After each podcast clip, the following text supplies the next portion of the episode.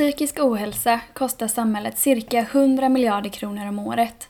Psykiska diagnoser står för 40 procent av alla sjukskrivningar.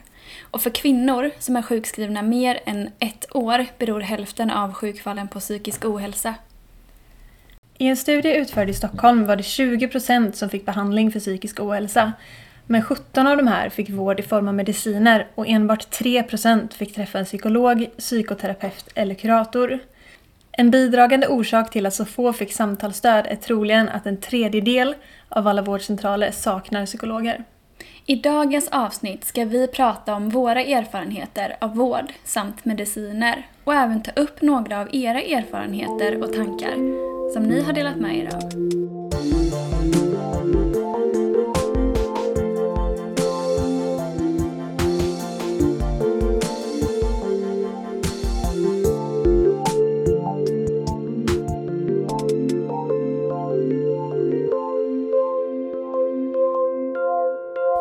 sjuka siffror att det faktiskt är så få som får hjälp eller liksom en hel hjälp med även psykologisk behandling. Ja, alltså överlag så är 20 procent väldigt, väldigt lite. Verkligen. Av liksom då- de som söker som får hjälp, att det bara är 20 procent som faktiskt får någon form av hjälp. Ja, och tänk då alla mörkertal. Mm. De som inte har kommit till vården än. Nej men det är ju skrämmande. Ja, Och att som sagt att det liksom att det saknas så mycket samtalsstöd på så många vårdcentraler. Det är ju liksom med tanke på hur stort är med psykisk ohälsa och hur stort behovet är av samtalsstöd. verkligen. För forskningen säger ju att Sverige skriver ut mest antidepressiva. Ja, och det är typ inte så chockerande för det känns som att alltså, läkare skriver ut utan någon vidare undersökning typ att det är så här, jag känner mig lite deppig och då kommer läkaren direkt att absolut, du ska få antidepressiva. Det känns ibland som att de verkligen gör det för att det sparar dem tid. Precis. Att då har vi löst det här caset. Men det har man ju inte gjort för man har ju bara Lindrat. lindrat symptomen. Ja, absolut. Och det, det känns som att det är ganska vanligt då att man inte går till botten med och försöker få bort att personen mår dåligt utan istället bara du får lite mediciner så kan vi släppa dig sen för vi Ja. har inte resurser typ. Eh, Nej, och det är verkligen skrämmande eftersom att det verkligen ökar bland målgruppen barn och unga också. Och där är det Ja. ju väldigt viktigt att man fångar upp och ger Mm. rätt hjälp och går till liksom grundorsaken. Ja, för eh, alltså någon så här quick fix finns ju egentligen inte. Det kanske hjälper för stunden att man känner sig piggare med antidepressiva. Men om man så fort slutar eller ifall... Alltså problemet försvinner ju inte. Det finns ju fortfarande där, bara att man inte känner det lika mycket. Typ. Precis, men jag tycker med antidepressiva att det är en väldigt bra, bra det är en väldigt bra lösning. Att, för att när man mår så dåligt så kan man ju behöva ha den Mm. dosen liksom så att man kommer upp och kan börja orka jobba med sina problem och sitt mående. Men Ja. då måste man ju få hjälp med att gå till botten med det. Ja, men för så kände jag när jag först blev erbjuden antidepressiva. Då kände jag att nej men jag vill inte behöva ta tabletter för att klara mig. Men så tänkte jag att nej men om jag kan få mediciner som gör att jag blir lite piggare och faktiskt orkar ta tag i problemet så är det värt. Eh, Så på så sätt, absolut. Men ja, det är väldigt skrämmande siffror. Ja. Och vi har ju som sagt tänkt att vi ska prata lite om ja, men både mediciner och antidepressiva och sånt där. Men även typ hur vi uppfattar vården överlag. Kan inte du eh, berätta när du hade din första vårdkontakt? När det kommer till psykisk ohälsa då, inte Ah. liksom vaccin eller sådär, men Nej, när det kommer till ämnet. Eh, Det var nog när jag kom till mitt familjehem när jag var 14 år. Okej. Eh, och då fick jag först kontakt med BUP. Och då var det väldigt bra ändå. Mm, mm. Jag fick väldigt mycket hjälp och en bra KBT-behandling och sådär. Mm. Eh, Men sen när man hade fyllt 18 och man inte klassades som tillräckligt sjuk för att få en plats på om en vuxen eh, psyk. Mm. Då blev det ju inte lika bra. Nej. Och man möttes av diverse läkare som liksom inte riktigt tog en på allvar och Mm. ville skriva ut mediciner bara och sådär. Mm. Men där hade jag ju väldigt tur att min eh, familjehemsmamma hjälpte mig och verkligen stod på sig. Mm. Så att vi fick ju åka runt till privatkliniker och till andra kommuner och sådär. Mm. För att verkligen hitta någon. Mm. Så att jag vet inte, det har krävts väldigt mycket för, för att få rätt hjälp. Jag hade nog aldrig klarat det själv. Nej. Och det är väldigt sorgligt att man ska behöva ha någon vuxen eller någon som kan verkligen sätta ner foten för att man ska Ja, bli tagen på allvar. det var ju lite som vi sa när jag pratade med Hugo. Mm. Han sa att det är nästan så det krävs att man är frisk för att orka vara sjuk. Ja. Och det är verkligen så, man Ja. fixar det ju sällan själv. Nej, ja men precis. Men det var alltså 14 du var det första gången. Ja. Men var det ganska lätt att få vård då för att du var under 18? Eller hur kände du Det var det? lättare i alla fall var det. Mm. Eh, Men så var det som sagt att det har att göra med vilka personer man har med sig som driver på det.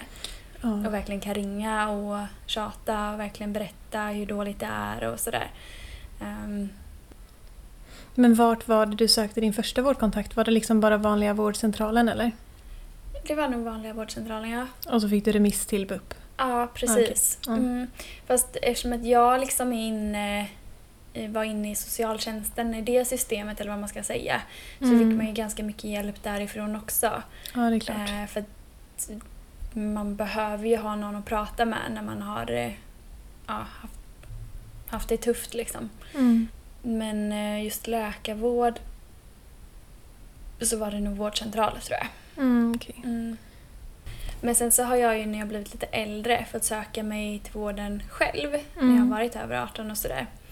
Och då har jag mötts av läkare som bara har velat skriva ut massa tabletter. Mm. Både antidepressiva men även lugnande.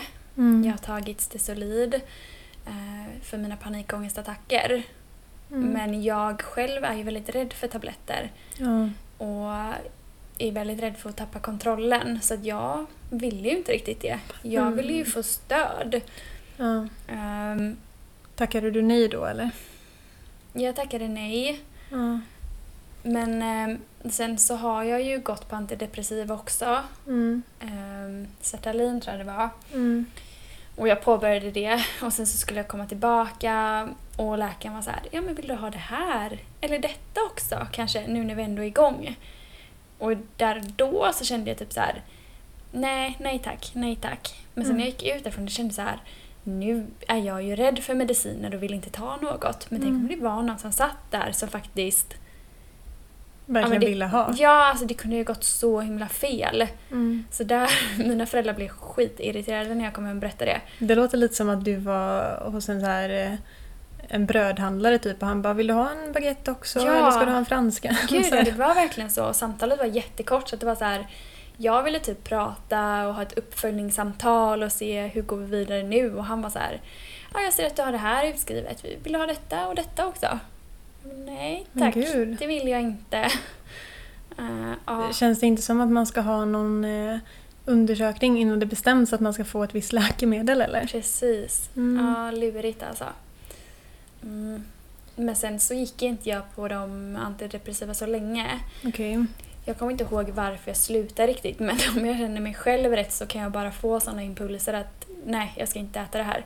Okej. Typ för att jag var nog rädd att jag skulle behöva äta det resten av livet. Beroende liksom. Ja, och Mm. att jag skulle vara, bli en förändrad person och Mm. att jag faktiskt ville må bra. För mig var det väldigt viktigt att prata med någon och verkligen gå ner på djupet. Ja, men ta tag i Ja. roten. Ja men precis. Men när du började med antidepressiva, eh, man läser ju alltid på ja, men bipacksedlar och sånt där och hör ju också från både läkare och andra Mm. eh, att man ofta får ganska rejäla biverkningar av just antidepressiva. Mm. Upplevde du något sånt? Jag fick faktiskt inte en sån brutal insättningsperiod som Nej. man kan höra om. Skönt. Eh, Men sen så var det så här att jag kunde, om jag råkade missa en tablett eller någonting, då Okej. mådde jag jättedåligt verkligen. Så det var ju verkligen noga med att ta dem Fysiskt eller psykiskt?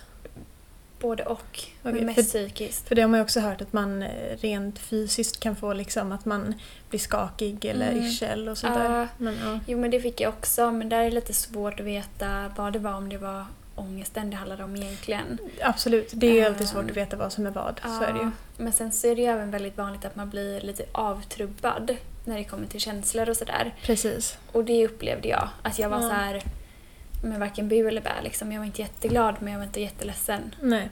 Och det Det bara var var ju liksom. rätt skönt också. Men Mm. det är lite läskigt. Mm. Ehm, ja, det är det ju. Och särskilt när man är van vid att ha liksom berg och dalbanor och att man Mm. känner jättemycket och att det blir kaos till att man, ja men som du säger, att man blir ganska avtrubbad. Ja. Det blir lite konstigt också, bara vad är det här? Mm, Lite som att man lever i en dimma lite. precis. Mm. Men det tror jag var mest i början. Sen så blir det ju mer kroppen vänjer sig och då var det mer som att man kom ut ifrån det här vakuumet. Mm. Alltså jag upplevde det när jag var väldigt deprimerad att det känns som att man är i ett vakuum ensam liksom. Mm. Ingen förstår en och man känner sig lite utanför sin kropp typ. Eller alltså det är jo. jättekonst... Ja, svårt Ja. att beskriva. Men är det enda gången som du har gått på antidepressiva? Mm. Mm, så det var okej. Ja, Hur eh, har det varit, alltså så här, när du slutade ta dem, hur var första perioden då? då? det var nog... Jag kommer inte ihåg så mycket. Jag kommer ihåg att den var rätt tuff. Men att Hur gammal var du ens? jag var nog 15 eller 14 där. Okej, ja. Det var någon gång där under den första perioden. Okej. Ehm, så vet jag att jag hade en vän också som tog det. Mm. Hon tog lite starkare dos. Så att vi bollade lite sådär. Hon mådde inte heller bra på sina och då var jag så här: nej nu skiter jag i det här liksom. Okej, ja. Nu slutar jag. Mm. Ehm, och sen så fick jag någon underbar kontakt Mm. med en psykolog och då blev det så här ganska naturligt att jag avslutade och fick hjälp på ett annat vis. Okej. Men Då var det en ganska, som du sa, naturlig övergång då? Och inte bara Ja. så här, nu struntar jag i det här och kastar det i soporna liksom? Nej. Ja. Men sen så hade jag väldigt mycket hjälp med mina behovsmediciner som eh, eh, Stesolid och sådär. Mm. De är ju också jätterädd för men det var bara skönt att kunna ha det med sig alltid. Så att jag visste det att fick jag känningar så kunde jag ta en tablett. En trygghet liksom. Om trygghet ja. Ehm, Mm. mm. Eh, men nu går du inte på några mediciner? Nej det gör jag inte. Nej. Eh, men har du någon eh, vårdkontakt som det ser ut nu? Jag har ingen som jag går till kontinuerligt. Har jag inte. Nej, väl Förutom eh, men, din sorg. min sorgbearbetningsterapi eller vad Ja, vad det nu är. Eh, Och det är ju en form av en kontakt där det. Ja. Men inte så med vården. Men jag är väldigt noga med att mår jag dåligt eller får några tendenser till liksom orimligt mycket ångest Mm. som förstör min vardag. Så jag är Mm. väldigt snabb med att höra av mig till vården. Okej. Om det är så i en eh, psykolog på vårdcentralen eller en kurator. Jag är väldigt snabb på bollen, eller vad Mm. man ska säga. Vad bra. Ja. Det är en jättepositiv Mm. sak. Har du ehm, använt sån här nät... Eh, alltså typ så här, eh, appar och sånt där? Så jag har faktiskt inte det och jag skäms lite för orsaken. Okej. Spill it. Nej men alltså jag känner lite så här. ah, Vem är jag och vem är mitt problem liksom? Jag är rädd att ringa den här psykologen och de bara Vad är det här snälla för lilla problem? vän. Typ. Nej. Och sen vet jag att så är det ju inte Så och om någon hade sagt inte. det så hade jag bara men gud, det är livsviktigt. Alla dina problem är viktiga liksom. Ja, alltså vare sig det Känns handlar det jobbigt om... för dig så är det jobbigt. Ja, Men exakt. ja, jag vet inte. Mm. Jag har Ja. själv testat ett par gånger och jag tycker att det funkar jättebra. Gör det det? Ja, jag pratade med psykolog i sån här app Ja. två gånger. Eh, Och jag har verkligen haft en jättebra upplevelse av det. Men hur börjar man samtalet? Eh, I den appen som jag har testat så börjas det med en chatt då man får beskriva sitt problem. Mm. Och så slussar de vidare en och säger att ja, men vi har en psykologtid eh, idag om två timmar. Vill du ha den ja eller nej? Mm. Så får man bekräfta. Och sen så ringer de upp via videosamtal. Funkar Men- jättesmidigt. Men sen när den här personen ringer upp då? Mm. Då så är det som att du skypar med en läkare. Så sitter ni och pratar lite. Och för mig var det så att hon ville att jag skulle berätta vad det var och så gick vi igenom lite ja, men min bakgrund lite. Alltså bara som ett Ja. helt vanligt psykologsamtal. Ja. Och sen så på vissa av sådana här appar så kan man ju också sen boka ny tid med samma Ja. eh, psykolog så man inte behöver ringa till olika varje gång. Nej, och det är jättebra. Jag tycker den idén Jättebra, är ja. skitbra. För när man mår dåligt så vill man ju oftast inte ens gå ut. Och jag har väldigt svårt för att åka kommunalt till exempel. eller köra precis. bil när jag mår dåligt. Precis. Eh, och det är också väldigt bra att man inte behöver prata med kanske en ny varje gång för då Ja. måste man ju återigen berätta att ja, det här är jag och det här är mitt problem. Mm. Utan att någon som redan känner till en. Verkligen. Så det är en jättesmidig grej. Mm. Eh, och dit kan man ju ringa också bara ifall det skulle vara en liten snabb grej att ja, men det har hänt en sak och jag är ledsen över det nu. Jag vill prata med någon. Då kan man Precis. ringa. Sen Ja. behöver man inte liksom boka in flera samtal. Nej. Så det är jättesmidigt. Ja. Men känner du överlag typ så att du har varit nöjd med hur vården har behandlat dig genom dina år och sådär? Hur känner du att vården har varit? Alltså jag, om jag skulle säga generellt så är jag väldigt nöjd med det. Eh, Det som jag tycker är jobbigt är att man har fått kämpa så mycket själv. Ja. Ehm, För att jag vet ju att jag hade ju aldrig klarat det eller gjort det om jag inte hade haft Nej. de stöttpelarna som jag har i mitt liv. Liksom. Mm. Och jag vet att jag har fått ringa runt till gamla psykologer eller läkare som jag haft för att liksom veta vem man ska höra av sig till. Mm. Så svårt att veta vart man ska vända sig. Ja, det är det verkligen. Och det här att man ska behöva byta kommun och åka runt till kommuner för att få rätt hjälp tycker jag är väldigt... Ska det verkligen vara så? Nej, men den orken finns inte för alla. Nej. Och jag blir så upprörd på det ibland. För, för det första som jag sa så finns inte ibland orken. Mm. Sen när man mår dåligt, jag vet att jag själv har känt så att det är så svårt att slåss för sin rätt att få hjälp. För jag har många gånger känt att nej men jag förtjänar inte den här hjälpen. Mm. Jag tänker inte, vem är jag att få hjälp? Ja. Inte fasiken kommer väl jag liksom att fightas för att få hjälp då om jag inte ens tycker att jag förtjänar den. Nej. Det ska vara lätt att få hjälp Ja, för någon som inte mår bra. Eller för alla. verkligen. Ja. Mm. Mm. Nej, det är svårt.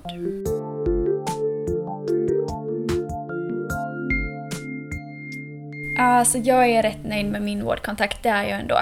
Skönt. Mm. Men hur känns det för dig? Eh, jätteblandat. Det känns som att jag har både varit ut för eh, dålig vård men också väldigt bra. Mm. Eh, jag började ju må dåligt, alltså ordentligt i typ gymnasiet och då sökte jag ju aldrig någon vård utan jag pratade lite med skolkuratorn eh, och sen så fick jag ju hjälp av en personlig tränare och sådär så jag var ju aldrig liksom vårdaktuell då. Så jag tror att jag hade min första vårdkontakt mm, det var ju när jag flyttade till Göteborg, Ja. så sommaren 2017 typ. Eller hösten 2017. Eh, och då gick det inte bra överhuvudtaget. Jag eh, började på en vårdcentral här nära där jag bor och de tog mig inte på allvar. Det var så här, ja men hem och vila bara typ. Men vad sökte du för då? Nej men jag kommer dit och bara, jag mår verkligen inte bra. Jag har problem med maten typ. Mm. Jag har mycket ångest kring mat och jag Ja. bara så här, jag går i skolan och jag känner att jag orkar inte mer. Mm. Eh, och då så tyckte de att jag bara skulle tagga ner lite typ. Ta det lugnt. Gud, alltså när du säger det. Jag har också fått en sån kommentar. Gå hem och drick te fick jag en gång. Alltså du vet jag blev Åh! så provocerad. Sen gick läkaren ut ur rummet och jag satt där och bara Men va? Ska han komma tillbaka eller okej? Ja. Tack tack. Här betalade jag liksom för ett läkarbesök för att jag ska gå hem och dricka te. Men Nej snälla. men alltså snälla. Men ibland vet jag inte, har du upplevt detta? Men jag känner det för att jag är ju ganska på att Mm. jag vill ha hjälp och sådär. Att de tar det nästan lite på mindre allvar bara för att man fightas för det själv. Eller för att man kan säga det med sina egna ord. Jo, men det har jag hört att, att eh, de är mer benägna att hjälpa en ifall man själv uttrycker det. Eh, så var det en läkare som sa det till mig och berättade att om du själv med dina egna ord visar att jag vill ha hjälp så kommer de känna att okej, men du är värd att lägga resurser på för du kommer ta emot den bra. Mhm. Typ. Så det har jag fått höra att ju mer du fightar själv desto lättare kommer någon att hjälpa dig. Typ. Jaha, jag trodde det var tvärtom. För att då var det så här, För att då... Jag vet inte. Mm. Det känns som att men då är du tillräckligt frisk för att förstå att du behöver hjälp. Ja. Eller så är det bara en skev tanke man har i Ja. huvudet.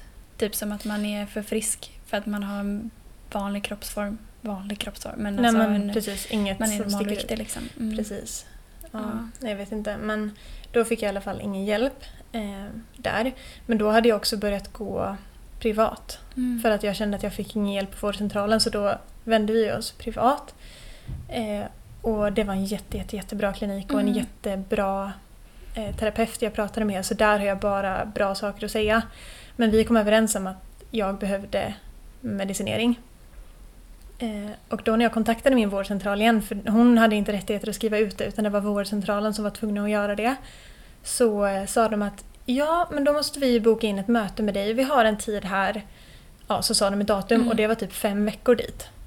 Och just nu i den perioden där jag var hade jag börjat må ja, så himla dåligt och jag Mm. känner att fem veckor innan jag kan få hjälp av er. Ja. Ska jag inte få träffa någon läkare på fem veckor? Jag mår ju jättedåligt. Mm. Och det slutade ju med att, alltså vi kunde ju inte göra någonting. Jag kan ju inte gå före i kön liksom. Nej. Då slutade det ju med att jag eh, en dag hamnade på psykakuten. Mm. Eh, och där så, så sa ju de också att det här är helt sjukt. Mm. Du måste ha hjälp nu med någonting som kan liksom ta bort din värsta ångest. Du Mm. måste ha någonting som lindrar liksom. Så då kontaktade vi vårdcentralen igen eh, och berättade att amen, jag har varit på psykakuten nu och för där får de inte heller skriva ut saker. Eh, och då så löste de en snabbare tid åt mig på vårdcentralen eh, och en läkare skrev ut mediciner. Och grejen är när man får eh, mediciner utskrivet så är det ju jätteviktigt, för som vi sa så kan det ju vara biverkningar. Så då ska man ju ha nära kontakt. Mm. Men till att börja med då så den här läkaren kontaktade aldrig mig ens en enda gång efter. Det var jag som fick ringa upp och söka Mm. honom och säga att nej men det här funkar inte så bra för att jag mådde inte bra under insättningen. Och varenda gång sa han bara, men öka dosen. Men det här är så jävla dåligt. Alltså det, jag ringde tre gånger under typ loppet av två månader. Ja. Och det enda han sa var öka dosen. Och alltså, då ökar dosen och blir det ju värre. ja men typ. Så, men jag kände att ja, då får jag väl göra det då, Ja. för vem annars ska jag lyssna på? Nej. Eh, nej men så det gick inte alls bra och då så sa min eh, privata eh, vårdkontakt då att byt vårdcentral. Mm. För så här ska det inte vara. Och det gjorde jag. Och därifrån har jag bara ett så himla bra Mm. Upplevelse. Alltså, och där så satte de in, direkt bytte de medicin för de sa att din medicin funkar inte. Nej. Du mår ju inte bra av den och du har gått på den i två månader. Liksom insättningsperioden ska vara över och du ska Ja. ha börjat må bättre. Så då bytte vi direkt. Och så satte hon även in mig på samtalsstöd och inte bara det. Utan jag fick träffa en arbetsterapeut Mm. som ska hjälpa en att liksom sortera upp men sitt skola, jobb, Ja. sånt. Eh, en sjukgymnast som kan lära en olika övningar typ och sätt Mm. att andas på för att avlasta kroppen fysiskt. Ja. Och en psykolog. Wow. Så jag fick de tre kontakterna Mm. och eh, ny medicin. Ja. Och sen dess har det ju bara gått uppåt och det var Mm. de också som sa att, eh, att i och med att du har så mycket problem med maten och har en ganska ingrodd ätstörning så eh, rekommenderar vi dig att skicka en egen remiss till Mm. en ätstörningsklinik. Och de hjälpte mig att skriva en. Mm. Eh, och sen dess så blev jag accepterad på anorexi bulimimottagningen då. Och där har jag också bara haft sånt himla bra bemötande. Mm. Så att sen jag bytte vårdcentral så har det varit jätte, jättebra. Mm. Men det är ju lite det, när man väl hittar guldkornen eller vad man ska säga, då är det ju oftast väldigt, väldigt bra. Ja, Bara att det kan ta sån tid tills man hittar dem.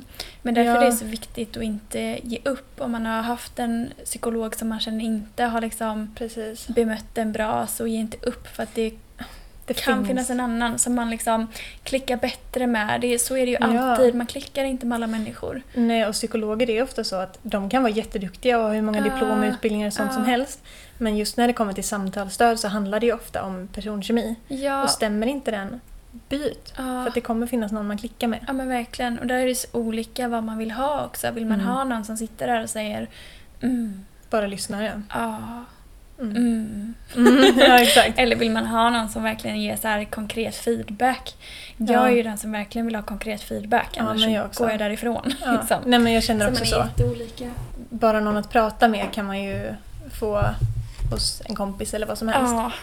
Nej, men så det, jag har verkligen upplevt båda sidor av vården och Mm. även båda sidor av medicin då. För den första jag testade funkade ju inte alls. Nej. Eh, Jag hade en jättehemsk insättningsperiod och jag fick ju deala med den själv i och med att min läkare inte Ja. hjälpte mig. Eh, Och kände mig, precis som du sa, så det jätteavtrubbad. Mm. Det var som alltså, jag var som i en ständig dimma typ. Ja. Hängde inte med alls.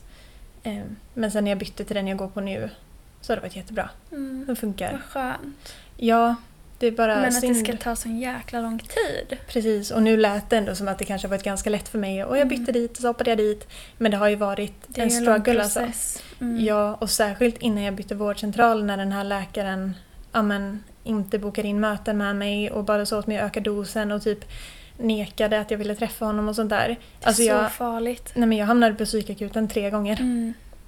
Ja. Och fick ju liksom böna och be där att snälla Ja. hjälp mig, min vårdcentral hjälp mig inte, vad ska Nej. jag göra? Jag orkar inte. Nej. Och det är så sjukt att det ska gå dit. Mm, verkligen. Men, eh, Men, ja. men det säger ju också lite att så här, har man oturen att stöta på eh, en vårdcentral som inte hjälper Mm. en på rätt sätt eller Mm. läkare, psykologer som inte hjälper på rätt sätt. Men det är Man kan byta. livsfarligt och det Ja. sänker en totalt så då måste man verkligen byta. Men det är så, ja precis. Och det som är så jobbigt är ifall man stöter på flera, flera Mm. dåliga rad för man tappar hoppet och känner ju typ att nej men fasen ingen kommer kunna hjälpa mig. Nej. Men jo, det finns någon där. Det finns verkligen Ja. någon där. Men det är väldigt krångligt med liksom, eh, vad heter det? Alltså eh, styrelser heter det inte. Alltså statliga, alltså med sånt här med vårdcentraler och sen Ja. är det Försäkringskassa och sådär. Har du någon erfarenhet av det förresten, det här med Försäkringskassan? För det har ju blåst upp lite nu. Mm. Det är ju ett ganska stort snack om Ja, Försäkringskassan. visst är det. Gud. Mm. Det man, man orkar nästan inte följa det för att man blir helt nedslagen typ av Mm. att, Fastän samtidigt så vet man ju hur det ser ut. Det gör Mm. man ju. Mm. Nej, jag själv har inte gjort det eftersom jag var ganska ung när jag mådde så pass dåligt. Så jag Mm. hade ju liksom inte riktigt några utgifter så som jag Nej. behövde hjälp med. Nej. Men jag har ju eh, familj och så Mm. eh, som kämpar. Men där är det ju annan problematik också så att ja, Mm. jag vet inte riktigt. Men, Nej. det, mm. Men Men jag- du har det va? Ja, det har jag ju. För att jag har ju varit sjukskriven både från jobb och skola. Mm. Eh, där jag blivit av med både då lön och eh. CSN. Precis, Ja. CSN. Så jag har ju varit i kontakt med dem och det har väl inte funkat jättebra. Nej. Jag blev ju nekad för att eh, nej men de har så mycket konstiga regler känns det som. Och, att, och det vet man ju att folk har sagt nu också att det är så mycket krångel med dem. Mm. Och jag upplevde det också. Det slutade med att jag inte fick något bidrag alls för att någon tid hade gått ut. Och jag visste inte ens att det fanns en tidsgräns. Och jag Nej. visste ju inte vart jag skulle vända mig för jag var ju tvungen att liksom prata med både skola, jobb, CSN och Försäkringskassan. Och ringa runt till alla de här hela Mm. tiden och jag blev slussad hit och dit. Och sen gick ju tiden ut. Då blev jag återbetalningsskyldig typ ett och ett halvt CSN, alltså en och en halv månad Mm. CSN. Och sen blev nekad fortsatt CSN. Gud. Och jag menar en sån sak, jag hade turen att kunna ta det. Ja. Jag hade pengarna att betala tillbaka Mm. och jag kunde också fortsätta att ha samma utgifter utan någon inkomst. Mm. Men tänk dig om en person hade råkat ut för det som inte hade de pengarna Nej. Och heller inte har råd att sen kanske bo kvar i sin lägenhet. Hade jag haft det så, alltså jag hade ju fått ta typ ett lån Ja. och för att betala av det där. Och sen typ fått säga upp min lägenhet och flytta hem till mina föräldrar. Eller så här, ja, men mådde man inte dåligt innan liksom så... ja snälla. Ja. Nej men Fy. där är också en sån sak. Alltså det är typ min mamma och min familj som har Mm. gjort det här åt mig för att så här, bara en sån grej behöva ringa typ tre samtal. Jag tänkte precis säga det. Bara Ja. så här att det ska vara så mycket som måste fyllas i. Ja men det är så mycket så många blanketter. kontakter och... Det är liksom samtal och man ska följa instruktioner och man ska komma ihåg saker och så ska man fylla i det. Och sen så kanske de säger att du måste ringa hit. Och så okej, då ringer jag dit. Så kanske de säger att nej men först måste du ringa dit.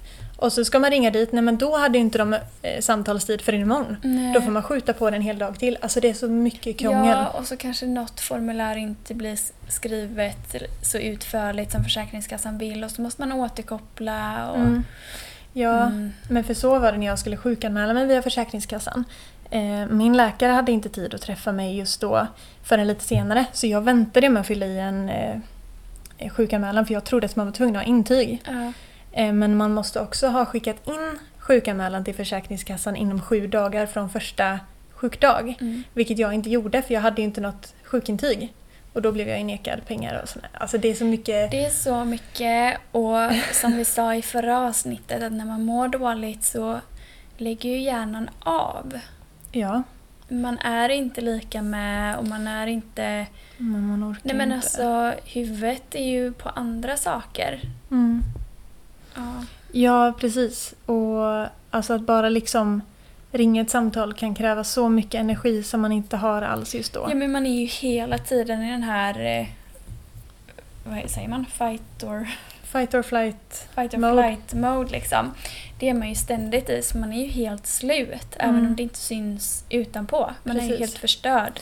Ja, och det kan tyckas lustigt för vissa människor som inte har upplevt hur det är att må dåligt. Mm. Så här, men så jobbigt är det väl inte? Nej. Du ringer ju de här samtalen för att få hjälp, det är Ja. bara att göra. Men det är inte bara att göra. Det kan vara Nej. jättekämpigt och jätte... Ja. Jag följer faktiskt ett konto på Instagram Mm. där det är lite om så här, ja, men, vuxna barn till alkoholister men även om trauma och PTSD och sådär. Mm. Och då var det mycket typ att eh, ja, men, det här med att hjärnan inte hänger med och att man behöver längre tid för vissa saker och sådär. För att hjärnan håller på hela tiden det här flight or Fight, fight or flight. Ja, men precis. Och Mm. att det är så aktiva trauman hela tiden som kroppen lägger energi på. Och Ja. jag har så här känt många gånger typ att jag har känt mig lite efter typ. Eller Mm. att jag behöver lite längre tid för att tänka och ta beslut och sådär. Och ändå Mm. känt så att jag kanske inte är så smart som alla andra är typ. Men när jag tänker efter så är det ju inte så konstigt. Nej. Nej, och det handlar ju inte- om att du inte är smart. Nej, Det handlar ju känns om att din hjärna är upptagen. Ja, och det känns så skönt att verkligen så här läsa sånt. Så man kan känna igen sig och verkligen Ja. känna att man inte är konstig typ. Ja, det var ju precis det jag menade när... Eller det kanske jag inte pratar om i podden, men för jag känner ju också lite så att jag har svårt att fokusera och koncentrera mig och orka med saker. Mm. Och när det var en ganska stor del av undersökningen jag gjorde på kliniken, det här kring hur min koncentration funkar och hur min Mm. ork är och sådär, då kände jag ju att jaha, men då är det ju så här det blir. Mm. Då är det inte mig det är fel på. Nej. Och det är ju jätteskönt som du säger att man verkligen, Verkligen. känner den här igenkänningsfaktorn och då känner att jaha, men det är inte mig det är fel på, det är inte bara jag. Precis. Det är så viktigt att kunna känna den ja, men igenkänningsfaktorn. Ja, ja, verkligen. Och det är därför vi vill lyfta lite vad våra lyssnare också tog upp. Ja, Och sa om hur deras vårdkontakter har varit och sådär. jag För vill ju att så ut, många som möjligt ska känna igen sig. ja, vi la ju ut på Instagram och ställde några frågor kring eh, både liksom hur man upplever vården och även ifall man har testat mediciner och vad man har tyckt om det och så. Och de flesta, typ, det var ju runt 70% som faktiskt har varit i kontakt med vården på grund av psykisk ohälsa. Ja, Så det är många. det är många. Sen absolut att våra konto riktar sig till folk som har erfarenhet av detta. Precis. Men ändå, Ja, men verkligen. det är ändå 70%. Ja, Eh, och det kändes ju även skönt för att eh, övervägande del av de här 70% som svarade ja svarade också på följdfrågan ifall det var en bra eller dålig upplevelse, att de hade upplevt det som bra. ja, Det känns ju skönt. verkligen. För ibland känns det ju som att alla bara pratar negativt om vården. Ja, och därför tycker jag det är så viktigt att lyfta båda delarna. Ja, absolut. Ja, både det bra för att folk ska känna att det finns bra vård Ja. men också att det är inte dig det är fel på ifall du inte får någon hjälp. Precis. Mm. För så är nog lätt att känna att okej, får inte jag någon bra vårdkontakt så är det väl Nej. jag som inte är tillräckligt. Ja, dels det och sen så vet jag några som inte ens söker hjälp för att de känner att det är ingen idé ändå. För att Ja. man har hört så himla mycket skit om det. Ja, Och det är väldigt... Ja, så får det inte vara. nej, och så tänker jag också kring det här med antidepressiva, att det känns som att det har en ganska negativ aura runt sig. Att, Ja, men det är ju eh, verkligen skambelagt. Ja, och då tänker jag att, att det måste också brytas lite för Ja. att det är jättebra med mediciner Ja. om de hjälper en. För vet du vad jag hörde? Jag vet inte Nej. vart jag hörde någonstans. Men det var någon som sa så här att ja, men det är ganska många som äter antidepressiva. Som vi då vet Mm. efter det här att det skrivs ut så mycket i Sverige. Men att det är väldigt många som svarar på frågan sen efteråt att ja, men jag ska sluta snart. Att det är så här, ja Ah, men det är bara nu, jag ska sluta snart. Utan man kan inte ursäkt. säga liksom att det här ska jag gå på nu för att det funkar för mig. Utan det är så här, ja men jag ska sluta snart. Man vill inte erkänna att jag är i behov av det. Ja men precis. Gud vad tråkigt, men det är ju den upplevelsen man har. Ja. Att det bara att det är lite skämmigt typ. ja men sen tror jag det är för att det är väldigt många som gör det lite oseriöst eller vad man ska säga. Det är ju många som bara, men det är lyckopiller och det är bara Ja. lyckopiller och bla bla. Ja. Och gör, alltså, det f- förminskar det lite eller vad man ska säga. Mm, Det är ju inte ja. så att man blir jättelycklig för att man tar antidepressiva. Nej. Utan det gör ju att man blir eh, mänsklig, att man kan vara i vardagen kanske. Precis, för det är ju många som dryger om det precis som du sa. Att, och liksom gör en sån grej av det. Att så fort man tar ett sånt piller så ska man woho! Mm, Så är himla det glad. ju inte. Tänk om det var det. Då hade jag tackat ja. Ja men precis. Nej, så är det ju verkligen inte. Det hjälper en ju bara att funka lite bättre. Ja. Eh, men eh, vi frågade ju det också hur många som hade testat eh, någon form av antidepressiva. Och det var ju också majoriteten som hade gjort det. Mm. Så det är ju vanligt. Det är ju vanligt. Men sen så var det ju någon som hade även tackat nej. Ja, Mm. att... Nej men det var ganska många som hade tackat nej. Jaha. Det är ganska många som hade blivit erbjudna ja, antidepressiva men Mm. tackat nej. Och det förstår jag. Jag har själv gjort det flera gånger att man känner att nej men jag vill inte vara beroende av ett piller för att känna att jag funkar. Ja, jag var lite så här också Respekt. att jag vill inte vara så sjuk. Så att jag kunde tacka nej för att jag Exakt. vill inte. Nej men jag är inte så sjuk, jag behöver inte Nej men tabletter. precis. Mm. Mm. Ja, men det finns ju massa anledningar till att man kanske inte vill. Mm. Men att det däremot eh, var en som hade efterfrågat eh, antidepressiva Ja. men sen blivit nekad. Just det. För jag, jag, eller vi slängde ju ut den frågan på Instagram bara för att så här, men vi Mm. kollar läget typ. Och jag blev så förvånad över att det var en som, som kryssade i att jag ville ha antidepressiva Mm. men jag fick inte. För det känns som att oj, det känns som att alla läkare bara japp, ta, ta, ta. Ja men precis. Det hade varit lite intressant att eh, veta mer om det. Verkligen. Ja. Mm. kanske var någon läkare som verkligen inte var för det. Eller vad ska säga. Ja. Alltså vi alla har ju olika åsikter. Så kan det vara, absolut. Mm. Ehm, ja, men eh, så det var lite kul att, eh, att eh, den undersökningen vi gjorde visade på att många hade Fått bra vård. ja, både Mm. bra vård och känt att medicin har varit bra. Mm. Så det var ju kul att höra. Ja verkligen. För man var lite rädd hur Mm. svaren skulle bli för att man vet Mm. att det är lite... Ja. Mm. Men jag tycker att det är så himla kul när vi gör sådana här undersökningar typ, eller slänger ut frågor så att de som lyssnar får Ja, men vara vara lite med. delaktiga. Mm. Jag Mm. tycker att det är jättekul. Det känns Ja. som att... eh, Ja, för det är ju det vi vill, vara ett litet team liksom. Ja, ja. Mm. Och vad ska vi kalla vårt team? Ja, ska Måste ha säga. ett eh, teamnamn. Det får vi ha. Det får vi fundera på. Mm. Det får bli läxa till nästa vecka. Det får det vara. Ja, nej men så det är alltid kul och det, vi uppskattar ju jättemycket att folk faktiskt svarar också. Verkligen. Men det här var ju lite intressant för den sista frågan vi slängde ut där i undersökningen var ju ifall det var någon som ville dela med sig av någon slags historia Mm. man har varit med om när det kommer till ja, vård eller mediciner, Ja. vad som helst. Det var ju eh, några som skrev det här, det är ju ganska vanligt faktiskt, att, eh, jag menar, att man ser för fräsch ut liksom. Ja, att läkare har tyckt att ja. men, du ser ut att må bra, inte behöver du Ja någon men hjälp. precis, att man kommer sminkad eller välklädd och sådär. Ja. Och det är faktiskt sjukt för jag har faktiskt varit den personen som har sagt till någon att det här låter helt sjukt men fixa det inte innan du går dit. Ja. Se hellre lite risigare ut och verkligen spä på Mm. för att annars Du kan bli nekad. kan liksom. du bli nekad. ja, det ja. gäller att liksom gå all in och det är hemskt att det ska vara så men Mm. eh, Men jag har typ försökt göra Mm. så själv ibland också. Att om jag vet att, typ när jag hade den här dåliga Ja. vårdcentralen då. Jag brukade ju typ försöka få mig själv att se risigare ut Mm. för att någon skulle ta mig på allvar. Det är så sjukt. det är jättesjukt. Du ska kunna komma i liksom balklänning Ja. och festmakeup och ändå liksom Ja. bli tagen på allvar. Det är så här, Ja men det är ju verkligen det. Det är som den här hashtaggen som varit mycket på Instagram. Jag vet inte om det var Ångestpodden som startade den eller vem det var. Ehm, men det var ju typ eh, well dressed but depressed eller någonting. ja, just det, just det. Ja, Mm. precis. Ja, bara det, liksom budskapet Det stämmer ju verkligen liksom. mm, Ja. av att man kan se hur fin ut på Ja. utsidan som helst. Men och det är att, lite sjukt också när man måste men göra sig till, eller vad man ska säga, för att få hjälp. Det Mm. kan jag ju bara känna igen när jag var yngre och kände att jag behövde bli räddad ifrån min egna familj. Och Mm. att jag in, alltså ingen såg mig och ingen gjorde någonting. mm, Det kom in massa anmälningar men det hände ingenting mer. precis. Och då var jag ju liksom... Då tänkte jag bara, nej men vad ska jag göra för att någon ska se mig? Jag kunde typ så här göra så att håret blev trassligare innan jag gick till skolan.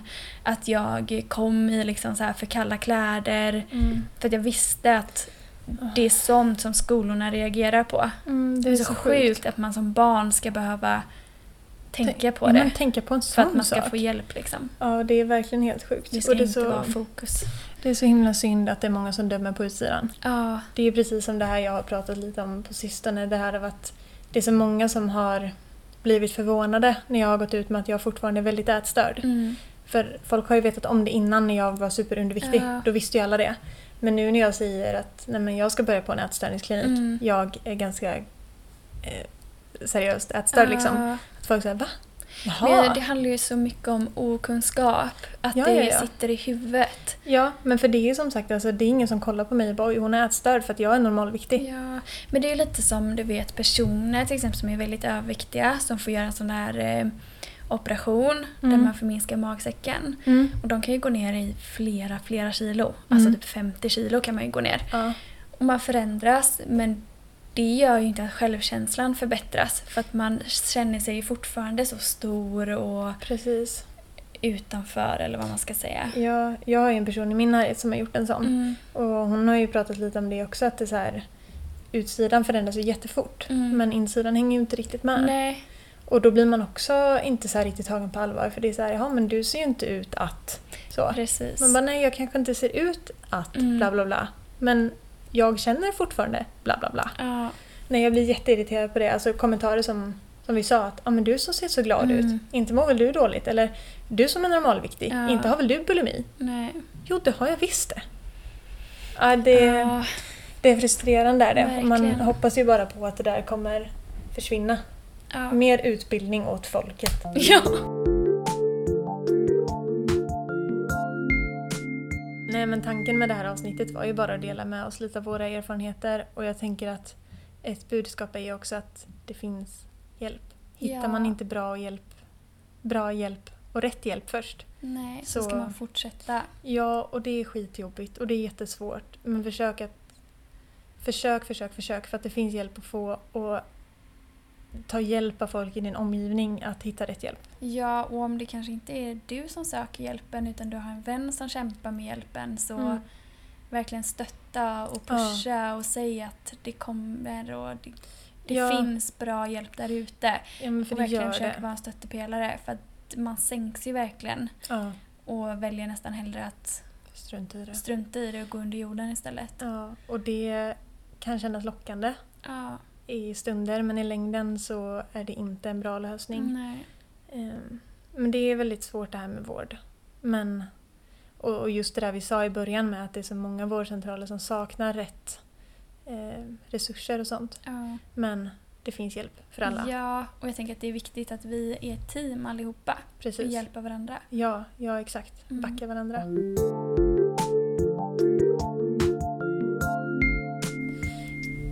Jag tänker typ, kan inte ni som lyssnar nu skicka in till oss på antingen våra mail, vi lyfter gmail.com eller våran Instagram, vi lyfter med förslag på ämnen.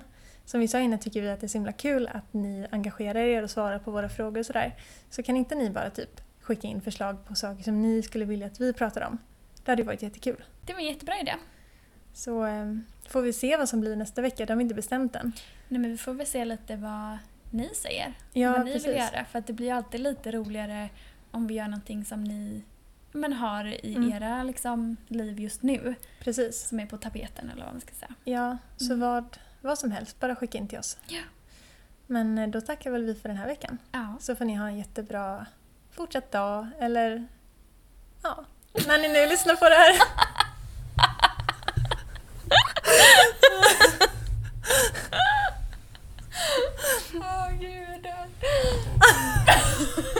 Så får ni ha en fortsatt bra dag. Eller om ni lyssnar på natten så får ni sova så gott. Exakt! Ja, jag dör. Mm. Mm. Tack och hej. Leverpastej.